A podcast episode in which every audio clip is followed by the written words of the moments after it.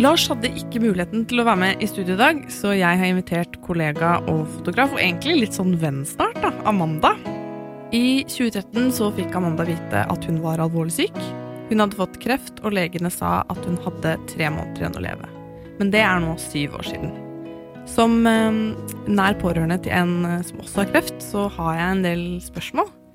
Hvordan er det å leve med kreften, og eh, hvordan burde vi rundt egentlig forholde oss til at en vi kjenner har en såpass alvorlig sykdom?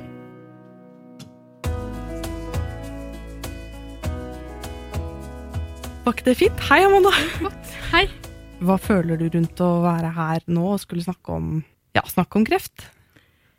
Det syns jeg er ganske hyggelig, egentlig. Jeg syns ikke det er så vanskelig å snakke om når jeg først er i gang. Eh, det er vanskeligere å vite når man skal snakke om det, egentlig, og når, man, når det passer å bringe det opp, og når du bare ødelegger stemningen helt, for det gjør det jo noen ganger. Det er alltid sånn du må tenke litt sånn Skal jeg si at jeg har kreft nå, holdt jeg på å si. Ja. eh, ja. Så når jeg først skal snakke om det, så er jeg veldig komfortabel med det og syns det er veldig greit. Jeg foretrekker at folk spør heller enn å bare liksom tenke. Kommer du på en situasjon hvor, hvor du har vært helt sånn Shit, skal jeg si det eller ikke? Det er jo stadig situasjoner hvor folk eh, snakker om at eh, noen de kjenner av kreft, eller hvor kjipt kreft er. Jeg var med på når, vi, når jeg var på portrett eh, Når jeg var med på Lørdagsportrettet med Mats Hansen, jeg skulle fotografere, og en journalist skulle skrive det og intervjue, så satt jeg og hørte på at de snakket om at hun hadde en venninne som hadde en far som akkurat døde av kreft, og Mats Hansen hadde en far som døde av kreft, og så snakket om hvor kjipt det var og sånt. Og da følte jeg veldig på sånn der Her ville det vært veldig naturlig egentlig å ta med min betraktning, men at det blir veldig rar Jeg følte litt sånn Å, det ville på en måte bare Ja, Du klarer ikke helt å si 'ja, du, jeg har også Jeg har også kreft! det ble sånn her. Ja, når de satt og snakket, og det var jo veldig trist, der var det folk som hadde dødd, og det har jo ikke jeg gjort. Og det føltes veldig sånn Det føltes veldig sånn rart, men samtidig veldig rart at jeg bare satt og ikke sa noe om det, da. Og så er det jo en del situasjoner hvor folk snakker om ting som er kjipt, og jeg føler at hvis jeg hadde nevnt Hvor det blir en slags sånn konkurranse i å ha det verst, på et vis. Når man har sånn her åh, åh, men da gjorde jeg det, og så sier du åh, men jeg har gjort dette, og det var veldig trist. Og så kommer jeg sånn, å, jeg har kreft, og da blir alle sånn Oi. Da trumfer Oi, du alle. Ja, det gjør jeg ikke da. Jeg pleier ikke å si det da, men, men da føler jeg av og til litt sånn på at det ville vært liksom Når de snakker om sånne ting. Det, Du har det Ja. Pokémon-kortet, liksom? ja, gjett om. Ja. De sier jo kreftkortet. Det er jo sånn som liksom trumfer alt. Ja. Sier du at du har kreft, så får du mye fordeler. Eh, Ja. Ikke for å sammenligne det, men jeg har, en venninne som har en funksjonsnedsettelse. Så da vi var jeg yngre, så hadde hun sånn kort hvor du kom først i køen på Tusenfryd på alle karusellene. Selv om det egentlig ikke var en spesiell grunn til at hun skulle det. Ja. Men det var et eller annet sånn, da slipper hun å stå i kø, da. Så vi var bare sånn Vi dro alltid på Tusenfryd med henne, for da kom vi først. Det burde jo Kan ikke jeg få det, jeg òg? Holdt jeg på å si. Sånn kreftkort burde jo funke på Tusenfryd. Men er det noen ganger du kan bruke det til din fordel? Litt sånn fjåste spørsmål, da, men En gang vi skulle inn på Sara, etter at det egentlig hadde stengt for å slippe inn, eh, men man kunne fortsatt være der, på en måte, eh, så sa venninnen min sånn Men venninnen min har kreft, og hun har veldig lyst på vann. Kan vi bare være så snille å få komme inn? Og han vakten var bare sånn med en gang bare sånn Ja, ja, bare gå inn, bare Ja, ja. Så, så, så da Helt fikk dere shoppe på Sara etter stengetid? Nei, ikke Sara. Sara Kaffe Sara, mener jeg. Ikke, Å, ja. ikke, ikke Sara Ja. Kafé Sara. Ja. Ah, Midt på natta. Ja. ja. Ja. da, det er jo en liten fordel, da. ja. Du, Amanda, jeg lurte på om du hadde lyst til å fortelle meg litt eh, eh, om når du fikk vite at du var syk, og hvordan du forholdt deg til det. Ja. Jeg fikk jo vite at jeg var syk i 2013. Eller da visste jeg vel allerede at jeg var syk på et vis. Jeg hadde blitt utredet for diverse plager i et år i hvert fall. Manglet jern og hadde veldig vondt i magen, tok masse smertestillende. og Jeg hadde liksom vondt her og der. Vondt i skulderen og veldig senebetennelse. Og diverse ting som kan ha noe med kreft å gjøre, men som ikke trenger det. Og ingen samla trådene før jeg plutselig bare magen vokste masse over natta. Og jeg så helt sånn gravid ut.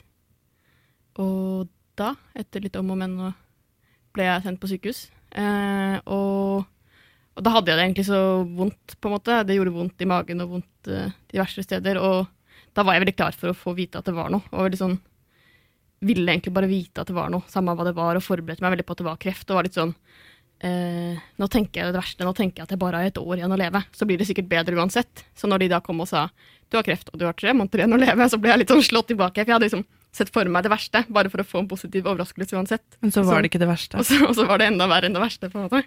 Husker du hva det Jeg kan se for meg at det er en ekstremt absurd situasjon å stå i. Husker du hva du tenkte når de sa det der med tre måneder?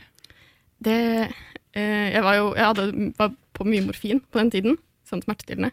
Eh, som om du ikke vet hva morfin er. Eh, eh, så da jeg, jeg var litt fjern, men jeg husker jeg ble veldig satt ut. Og, og de hadde, hun sa først legen min da eh, det er to scenarioer. Enten kan det gå Eller det er liksom ett godt og ett dårlig, og så sa hun hva er det beste, og så var, da lever du i tre måneder til. Så det verste var liksom at da dør du på første cellegift, for da skulle jeg i gang med cellegift. Eh, så det føltes jo veldig sånn Det var jo nesten så dårlig at jeg ikke hadde noe annet valg enn å slå det, liksom. Så på et vis var det kanskje litt positivt, fordi jeg hadde ikke noen annen mulighet enn å liksom banke. Hadde jeg fått tre år, så hadde det kanskje vært litt mer sånn Da var det så lenge før jeg fikk vite om jeg hadde tre år, på en måte. Mens tre måneder, det går så fort. Så når det passerte tre måneder, det var liksom jula 2013, da, da, da følte jeg veldig sånn OK, ja, men da har jeg slått det. Da, jeg greide det, liksom. Eh, så det var kanskje litt mer sånn konkret enn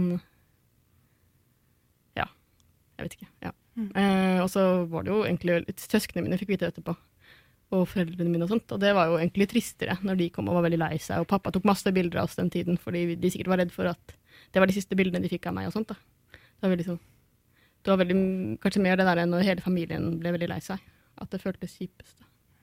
Da. Men du er jo veldig i live da, Amanda. Og det har jo gått langt, over tre måneder.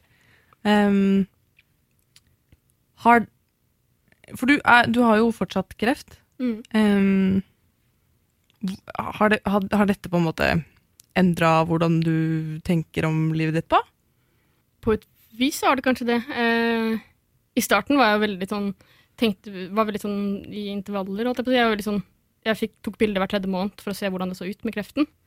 Og var såpass, satt såpass i meg det at jeg hadde gitt meg tre måneder, da, at jeg fortsatt var litt sånn Jeg tenkte bare tre måneder frem i tid på hva jeg skulle, ikke noe lengre framtidsutsikter, liksom. Så i starten var jo det litt sånn Det var jo litt stress på et vis og samtidig litt sånn konkret, og du prøvde å gjøre mye ut av der og da, da.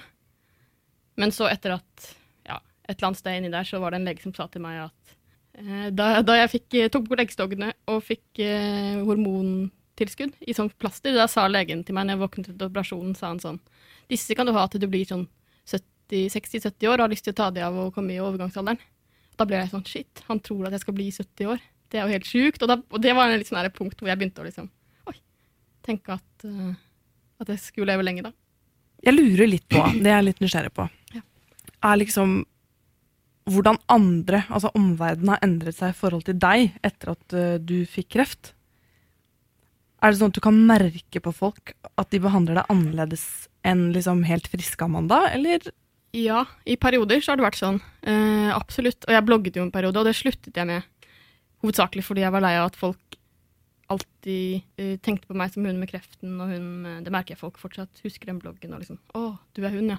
Uh, men, men, men, jeg skal begynne på folkehøyskole og hadde lyst til at folk skulle tenke liksom annerledes og bli kjent med meg før de ble kjent med kreften. Da, for jeg vant til at folk tar veldig hensyn, spesielt etter at jeg ble i starten jeg ble syk og hadde masse venner som kjente meg før jeg ble syk, og så ble jeg syk, og så tok de utrolig mye mer hensyn. Jeg har alltid vært sånn som liksom kan lekeslåss og kile og være litt sånn tulle mye rundt, da, og så det turte plutselig ingen av kompisene mine det turte ikke å slåss med meg lenger, liksom. Det var veldig sånn det ble plutselig veldig, Man skulle være veldig forsiktig, for man visste ikke når man skadet meg. Da.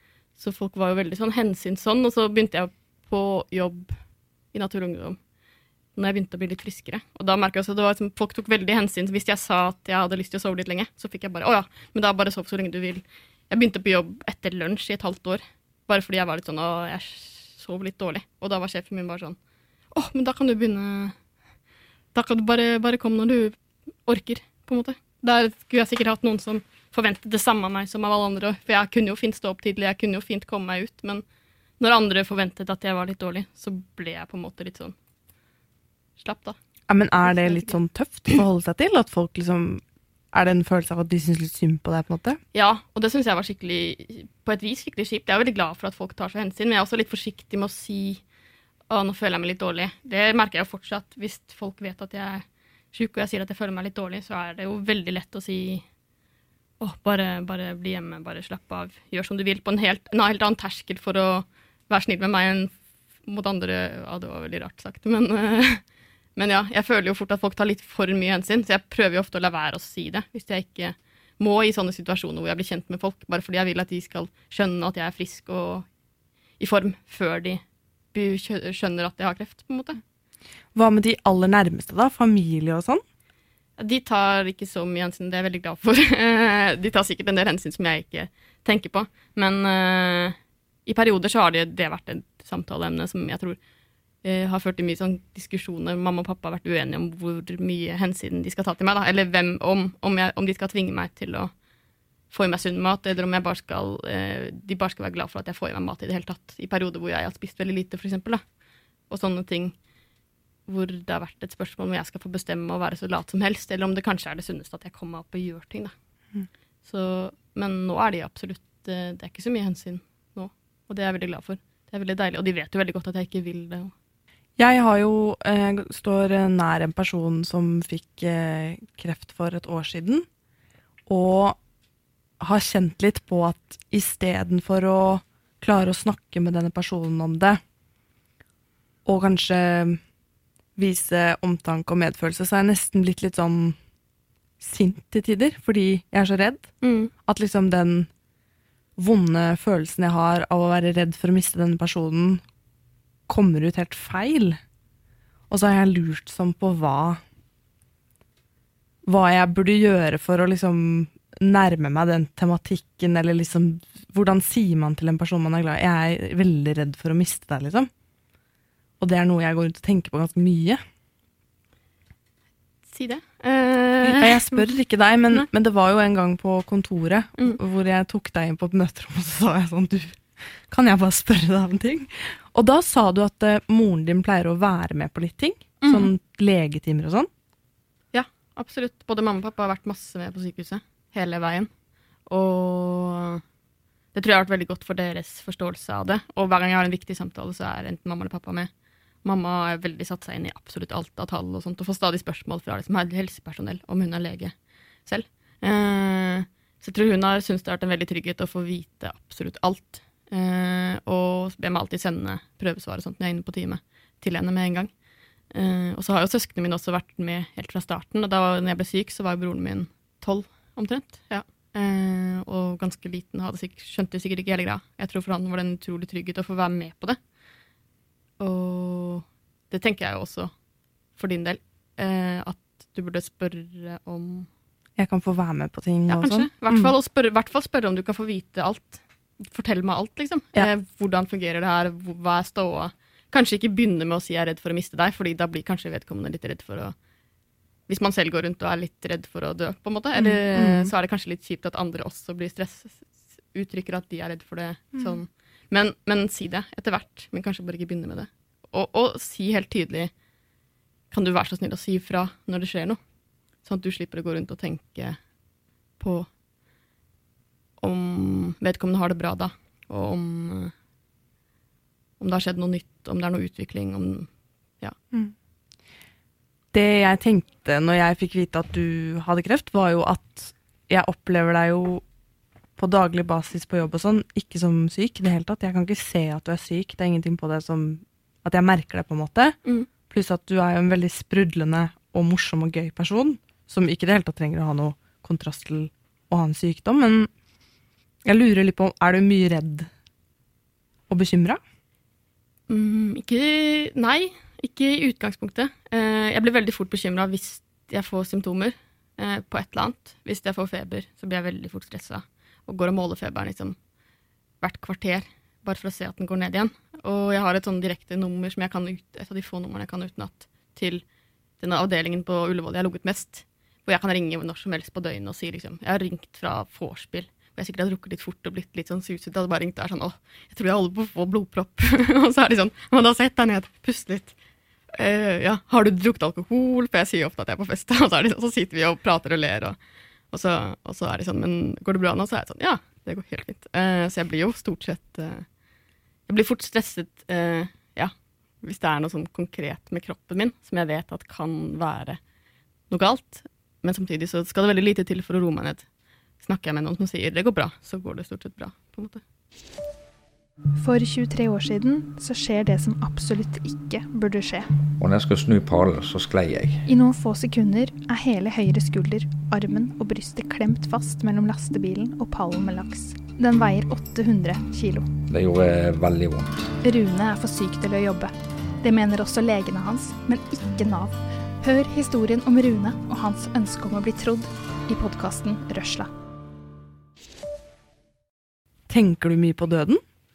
Nei, ikke i det hele tatt, egentlig. Jeg planla en gang, eller da jeg blogget en del tidligere, så skrev jeg et innlegg om hvordan begravelsen min skulle være. Eh, og det var Jeg vet ikke helt om det var fordi jeg tenkte mye på det selv, eller fordi jeg fikk mye spørsmål om det utenfra.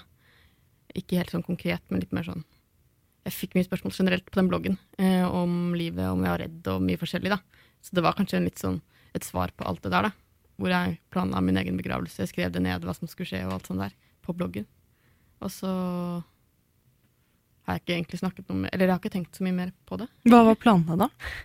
Det var sånn at det skulle være ute, og så skulle det være i en sånn hage som, som de har i Brødrene Løvehjerte. Når man kommer til Nangiala, så kommer man til en sånn hage med kirsebærblomster. Det skulle være en sånn hage med en elv. Ja, Og så skulle alle gå i sommerkjoler. Eller, og sommerklær, da. Og så husker jeg det var en sang de skulle Å! De skulle spille Now You're Dead med My Little Pony. Et veldig hyggelig band. Og det bandet har, har Da jeg var på P3-dokumentar en gang, P3 lagde en dokumentar, da fikk de bruke musikken til My Little Pony. og jeg fikk melding fra hun ene i bandet eh, om at eh, hvis eh, Om at de skulle spille min 40-årsdag, så skulle de spille en annen sang som heter noe sånn Nå er det 40, holdt jeg på å si. Så de var liksom, de sa du skal ikke dø, men vi skal spille denne sangen når du blir 40. Ja. Har, har du et annet forhold til bursdager da enn andre? Nei, ikke egentlig. Det er litt artig, for jeg skrev på kalenderen. Jeg ble faktisk 26 og et halvt. For to dager siden. Ja. Er det sant? Gratulerer med dagen, det visste ikke. Herlighet. ja, så det var en halvtårsdag, da. Og det feirer jeg ikke egentlig, men jeg skrev det på kalenderen bare fordi jeg syntes det var litt artig. Eh, men når jeg var skikkelig sjuk, så feiret vi jo halvtårsdager litt. Eller vi, vi markerte det litt, kanskje. Men det var jo fordi da trodde man jeg hadde ganske kort tid å leve igjen. Men nå har jeg ikke noe sånn spesielt forhold til det. Det kan hende at de rundt meg har det, på et vis. Men eh, jeg lurer på eh, den bloggen du hadde. Mm. Jeg føler som På internett så kan jo folk være litt mindre sånn Da blir folk litt sånn tøffere i trynet og mister kanskje litt sånn Var det noe, noe gjennom den som var Det var aldri noe negativt i det hele tatt. Og den var jo ganske stor en periode. Den var på 11.-plass på bloggtoppen. Er det sant? På blogg.no. Ja. Det er jo stort. ja, det er ganske stort. Hvor mange lesere hadde du? Nei, vet du hva, jeg husker ikke. Mange. Jeg har skrevet inn, uttalt i en sak at det var noe sånn hund, mange hundre tusen, men jeg vet ikke om det er sant. For det har ikke, jeg kommer ikke inn lenger. Den er slettet. Ja. Men det var aldri noe ordentlig negativt. Men jeg kan jo merke eh, at folk omtaler det på forskjellige måter, og at da jeg, da Dagbladet Magasinet skrev sak om meg, da delte de det på Facebooken sin. På Dagbladet sin Facebook. Og jeg var veldig vant til at folk var veldig sånn eh, 'Dette greier du, Amanda. Dette fikser dere. Fy flate, du blir frisk.' Mens der kom det mye kommentarer som var sånn 'Å, stakkars deg. Eh, stakkars familien din. Håper du eh, har det greit nok i din situasjon.' Det var veldig sånn, nesten sånn kondoranser, holdt jeg på å si. Det var veldig sånn eh, 'Håper du eh, Ja, nei, si det. Det var litt sånn inntrykk av at jeg holdt på å dø. Mens Ja. jeg følte mer at jeg holdt på å bli frisk. Og var vant til å få feedback som var veldig mye mer på at jeg holdt på å bli frisk. Så det var en sånn uvant vinkling som jeg er veldig glad for at jeg ikke har, hatt, uh, har fått så mye inn ellers. Jeg er veldig glad for at folk har vært så positive i kommentarfeltet overalt. Og vært veldig sånn Du blir frisk. Jeg lagde jo også en hashtag på Instagram som het Amanda blir frisk. Uh, som, uh, som jeg har brukt masse. Og som jeg følte ble veldig sånn konkret sånn Jeg blir frisk. Hva har vært liksom motivasjonen for å dele såpass mye som du har gjort? Altså både blogg og stilt opp i ting og Når jeg ble syk, så var det um, ble jeg borte fra alt, og så var det mange som lurte på hvor jeg var og hva som skjedde, og jeg orket ikke forklare det til alle. Så det begynte egentlig med at jeg skrev et innlegg bare for å oppklare det, og lagde meg den. Blogg.no var gratis, og jeg bare brukte det. Fordi der kunne jeg forklare det, fordi et Facebook-innlegg ble så langt når jeg begynte på det først. Og så delte jeg det, og så var det masse folk som delte videre. Og plutselig var det bare lest helt sjukt mye i det første innlegget.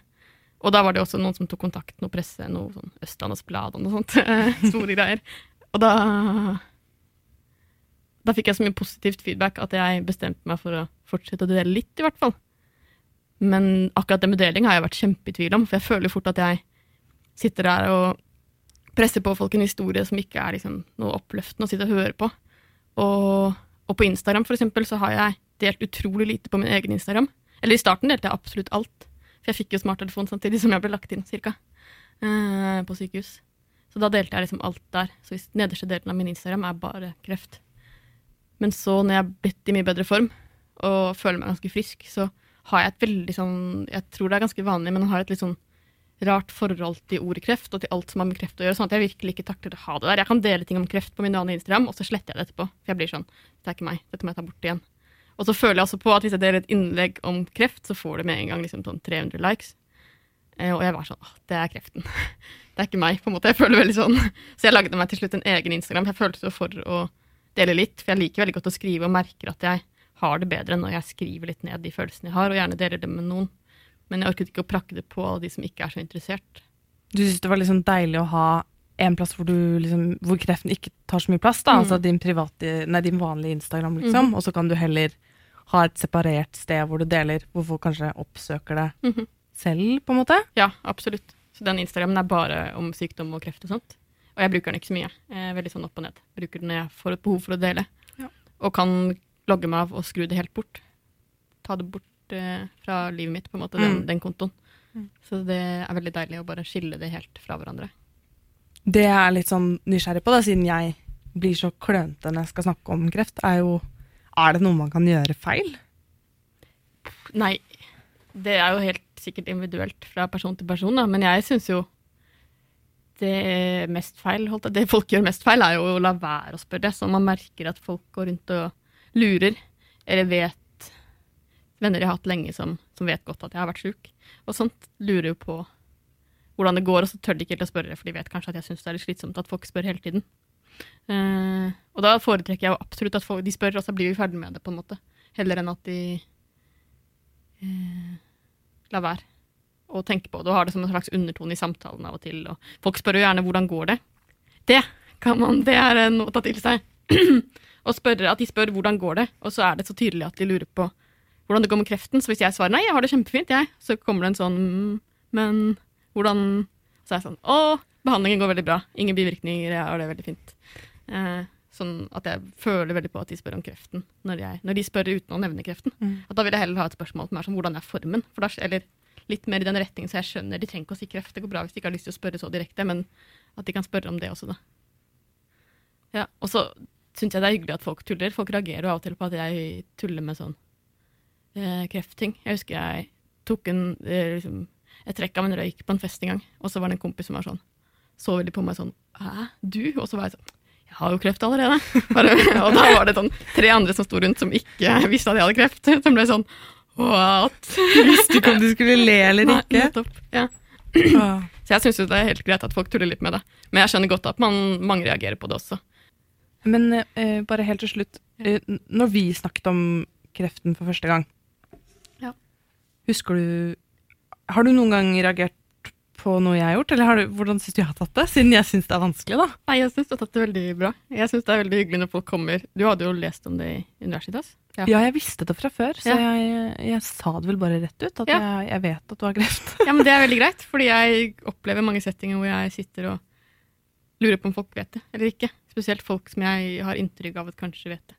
Uh, så det syns jeg er veldig greit at folk bare sier at de vet det.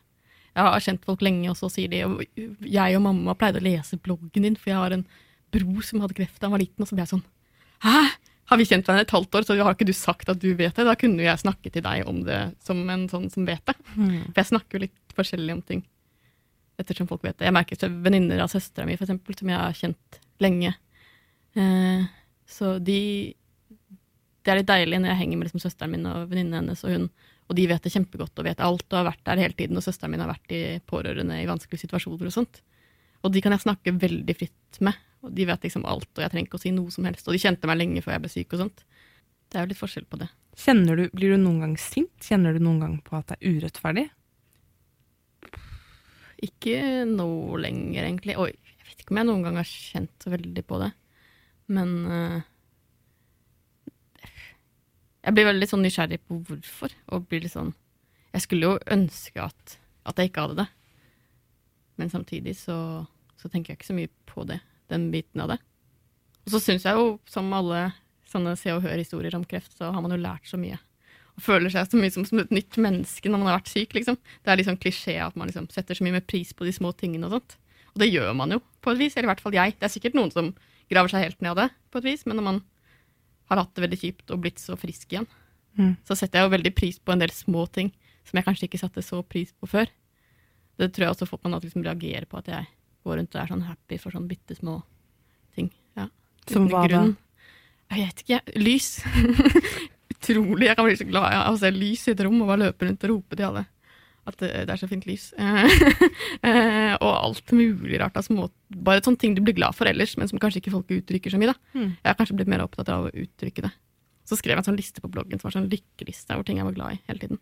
Så der var det veldig sånn løv som knaser, alt mulig rart. Ja. Jeg har sluttet med den listen, da, men jeg setter veldig sånn pris på sånne småting. Mm. Alt mulig rart. Det var, det var litt gøy, fordi når vi ble kjent, så visste jeg jo dette med kreften, fordi jeg hadde Mm. lest det i et intervju som, som jeg husker at jeg syntes var veldig fint. Jeg tenkte sånn Oi, hun Amanda, liksom. Og så begynte du på jobben min, og så tenkte jeg å ja, det er hun. Og så begynte jeg å følge deg på Instagram, og så så jeg bare at hver dag etter jobb i hele august og langt ut i høsten, så badet du på, på Sørenga. Det var en sånn periode jeg var liksom, jeg syntes litt synd på meg selv og drev og sov litt mye etter jobb og hadde mista gnisten. Og så var det hun Amanda da, som bare badet selv om det var helt sinnssykt kaldt. Så tenkte jeg bare herregud, så hun virker så utrolig glad, og det virker som hun har det så fint med seg sjøl. Stort sett har jeg det, da. Mm. Ja, men uh, Ja, skulle blitt med å bade. Hmm? Hm? Skulle blitt med å bade. Jeg turte ikke å spørre, vi hadde akkurat blitt kjent, så det føltes litt rart å si sånn Det er artig. Jeg tenkte også sånn Å, det er hun Selma! Å, Er det da vi sant? snakket om hjemme. det er veldig artig når man går rundt og er sånn. Det er koselig, vi var små beundrere av hverandre Ja, fra før. det er artig. Og nå Ja. er vi jo litt venner, da, Amanda. Så det er hyggelig. Ja, det er hyggelig. Ja, Du, tusen takk for at du eh, kom i dag, bare og ville Takk dele med meg. Uh, ja, jeg vet ikke hvorfor jeg fikk behov for å tulle nå, men det var, det var veldig fint. Ja, takk. Ha det godt. Ha det bra. Da ble du helt sånn rød i ansiktet. Hæ? Er jeg det? Ja, Er jeg rød? bare litt. Lars og Selma er produsert av Radio Metro for Dagsavisen. Ny episode hver mandag.